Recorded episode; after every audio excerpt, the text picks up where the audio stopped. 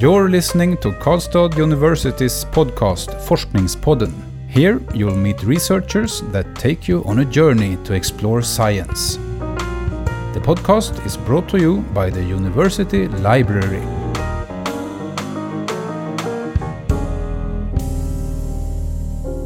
Hello and welcome. My name is Nadia, and I'm joined in the studio by Arthur Vromans, who recently defended his thesis in mathematics. Welcome, Arthur. Thank you, Nadia.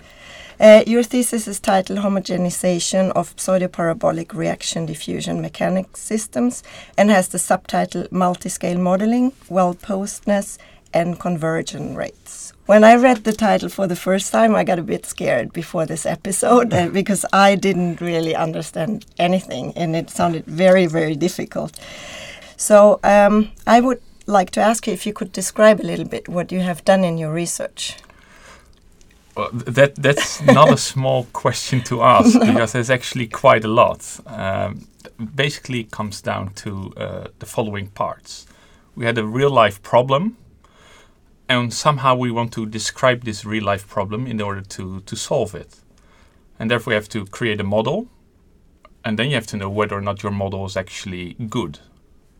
So we have to try to see whether or not the properties of the model are good enough, and whether or not the uh, behavior of the model is something you would expect, or at least would uh, be physical and then usually you want to test it with uh, real life uh, data, but we didn't get to that part. But what would be a, an application? Can you give an example? There are many applications, but the actual application for my research that was the main focus was concrete corrosion for sewer systems. Okay, and why is this important? It's important because uh, sewer systems have uh, the tendency that uh, acid is created inside the sewer, and then the acid from bacteria. Yeah, bacteria will will sort of uh, uh, process the the matter which is flowing through the the sewer system, and then this acid will start to react with the concrete wall. And mechanical properties are different uh, than actual concrete, and then you can get cracks, and eventually, after uh, concrete or at least the corroded concrete falling down, the shell becomes thinner and at some point it can collapse. And that can even lead to sinkholes where entire cars or I've heard even museums uh, disappear. So, what you would do in your model then is to build uh, a new model how the concrete should look like to make it less attractive or, or not less attractive but that bacteria can bre can't break it as easily to adjust it to the conditions or well, the, the first thing that, that we want to understand is how can uh, you determine the lifespan of the concrete uh, okay. with this reaction? Because you would like to know uh, how your maintenance uh, should be done on your concrete uh, pipes. Later on, you can start to think about what type of new concrete should I make in order to have less of this problem. But quite a lot of concrete pipes are already in use, so the maintenance is quite often a more important problem than uh, creating the new pipes. How did you get the idea for your thesis? Well, that was uh, an entire, uh, yeah, tour through different uh, real-world problems. So the initial start was that uh, the grant the, on which I was uh, was hired was about geothermal energy. What you will do is uh, put two pipes deep into the ground, pump cold water in one pipe, then the earth will heat uh, that water uh, at a low uh, at a high depth, and then the hot water comes out the other pipe, and in this way you will gain energy. And the problem is that in this transport through uh, the colder layers, the heat can flow sort of into these layers because your pipe is not a perfect insulator. So we had to, uh, my my supervisor basically created uh, a model for this uh, this grant application, but this model is quite complex. And then we started with a simpler model, but of course you still want to say, is there a practical application for this simpler model? And that's how we got into concrete corrosion. Okay, so it was the back way. Kind it of. was the back way. Yeah, all right. What are your most important results, you would say, in your thesis? A very important result that I have is that uh, next to looking at an, a mathematical property that says that your model is doing well, so this is this well-posedness word in, in Oh, the okay. subtitle. We al- we also had to check that the properties of the model was uh, physical. So, for example, uh, that your mass is not becoming negative, or that uh, your concentration is not becoming negative. Mathematically, this should be possible, but physically, you don't want this. Yes. So uh, you had certain uh, constraints in this way, and you had to check that the model will still satisfy these constraints, and that was uh, a large complication uh, in in this thesis, and that was a, a large part I was happy about. And then at a later point, we had to do a sort of difficult technique mathematically, and I got a very nice result out of that part. Uh, speaking about the, the way you did your research, because I think there's a lot of people out there that don't really know. Are you just uh, sitting in front of the computer and calculating a lot of things, or how do you go about to get your results? it's a creative process, uh, and that's probably something people uh, don't really uh, understand, believe, or, or think about.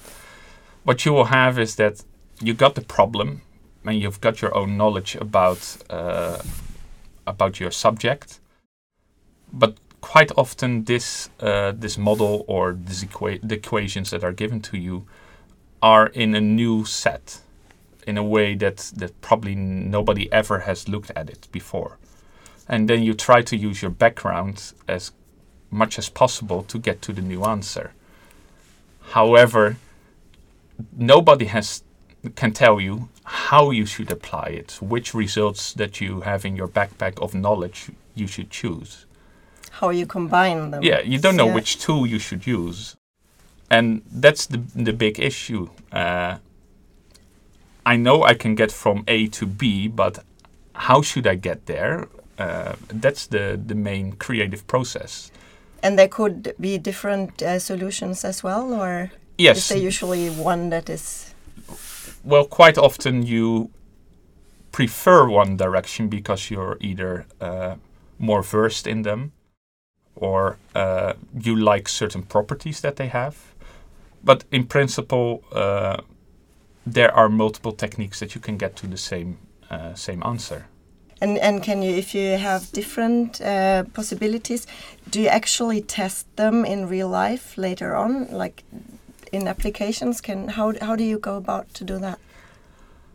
so the difficult part is that you need to get the data and quite often uh, for example in my case that would mean that you have to really talk to certain companies uh, to get the data for this and uh, another problematic factor is that you uh, need to know uh, the values of certain parameters in your model and these parameters are quite often unknown so testing your model with respect to actual data for real life that's complicated in Mm. in different manners and uh, yeah mathematicians are not really experimentalists in that uh, in that respect What were the problems you were mostly struggling with in your research then? well personally i'm not really a, a, person that, that does the numerics uh, quite often. So what you have to do is at some point you have to do a simulation because not everything can be calculated by hand. But for this there there are entire textbooks that, that have written what you can do and what are the options and you can basically become an expert in that direction all on your own. However i've been more of a theoretical guy so i would just do the, the calculations by hand i'd like exact results so when i had to do the numerical side do the simulations that was a real struggle for me because that was not something i was really good at But you got it solved. I got it solved, but of course, during the defense, uh, some questions were uh, raised about my numerical method. They want to know whether or not the way I simulated is actually uh, good enough for uh, certain properties. But then, if we turn it, what are you most proud about in your research?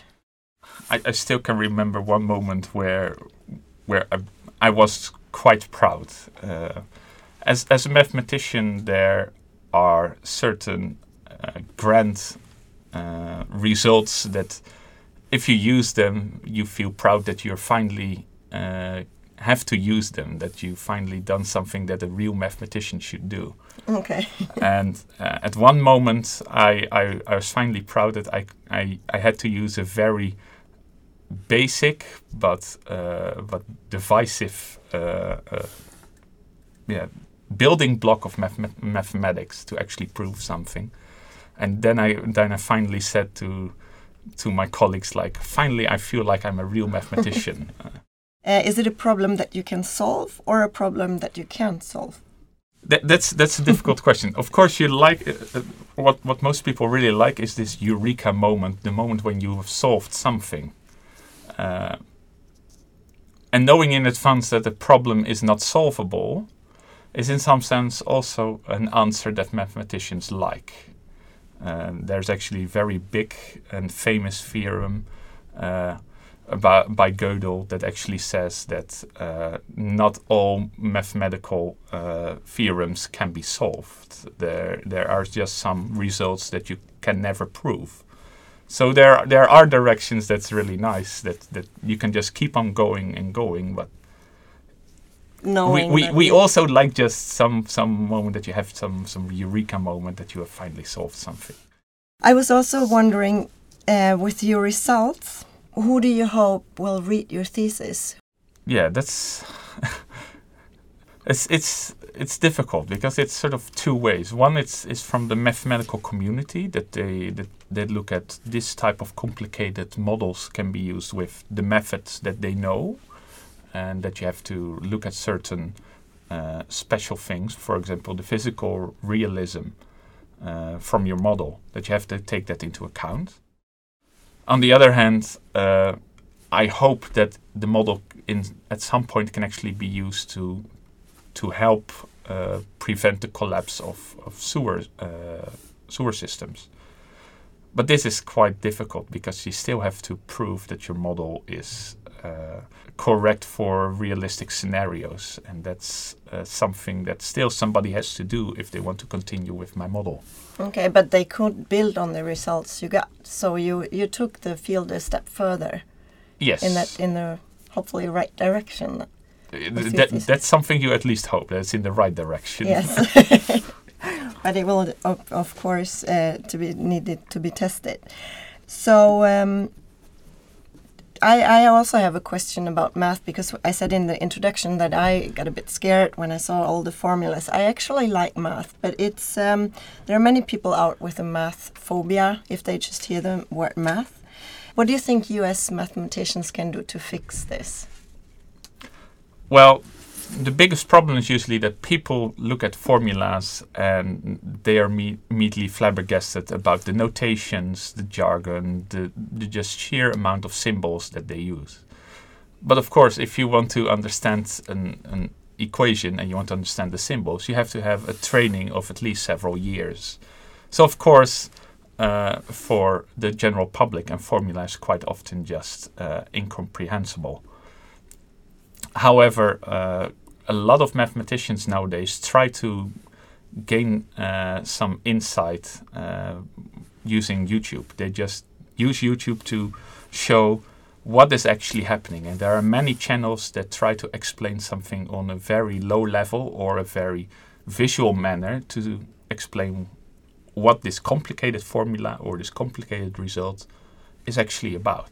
And that's that's a nice way of actually showing for people that mathematics is usually not that complicated, but we try to be very precise in a very short way.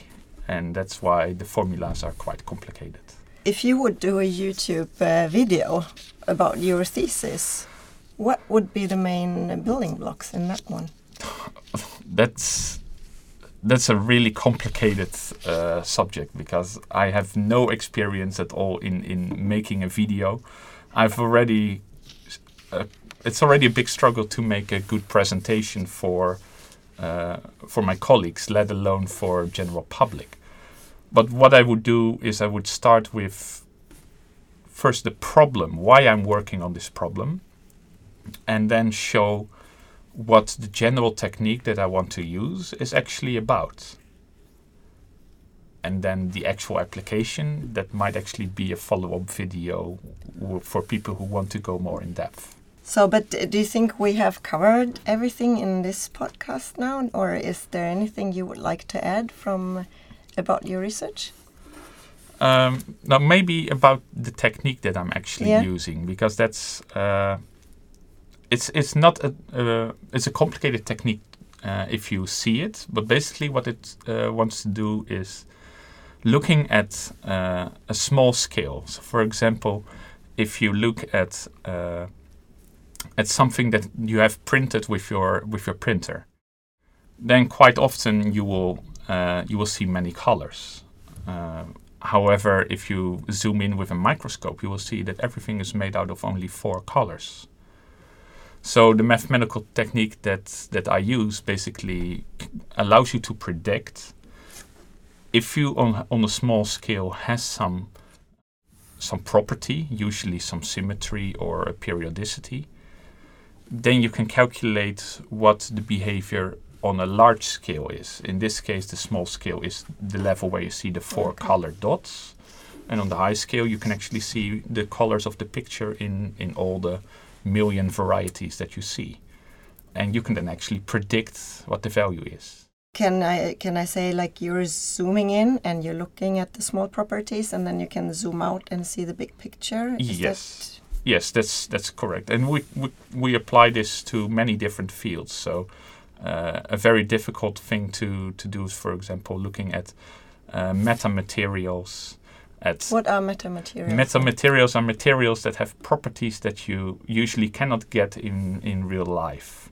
So normally those are materials that if you want to uh, if you want to squish something, you put pressure on it, but instead of uh, elongating it on the other side, it will now just shrink, which is Okay. something that's normally not happening. Or if you look at uh, at water, then if light goes into it, it's being bended in a certain way. But you can also create something that's bending in a completely other direction, which is totally not physical for any normal material. You can use this to make invisibility cloaks, and people have actually done this. You can also do it for a more normal way, and that's basically to find out uh, what type of concrete should I make to make the, the biggest uh, building in the world, because usually they pump uh, concrete up uh, to the highest floor, and you don't want it to become solid in the pipe itself. So you have to be very careful that it's light enough, fluid enough, but also still become solid. And you could do this with these models. You could do this with these uh, these techniques at least, uh, but still the models are are then difficult because you have to show that they're Verify, the, yeah. the correct models. Right. Just one more question. What is your best advice for PhD students that enter um, a PhD program or research education? try, try to have fun and yeah how I just say be confident about yourself if if you're not confident then you will start to question everything what you do and you can become quite unhappy. But when you're confident that what you have written down is well because you have this big bag of, of knowledge then uh, you can just do whatever uh, ever you have set your eyes on Very, very uh, warm thank you, Arthur, for guesting us here at Forskningspodden. And good luck with your upcoming research in the next step in your life. And uh, we also want to thank our listeners and welcome back next time. Thank you. You have listened to Karlstad University's podcast Forskningspodden. The podcast is brought to you by Karlstad University Library. All episodes can be found at kau.se forskningspodden.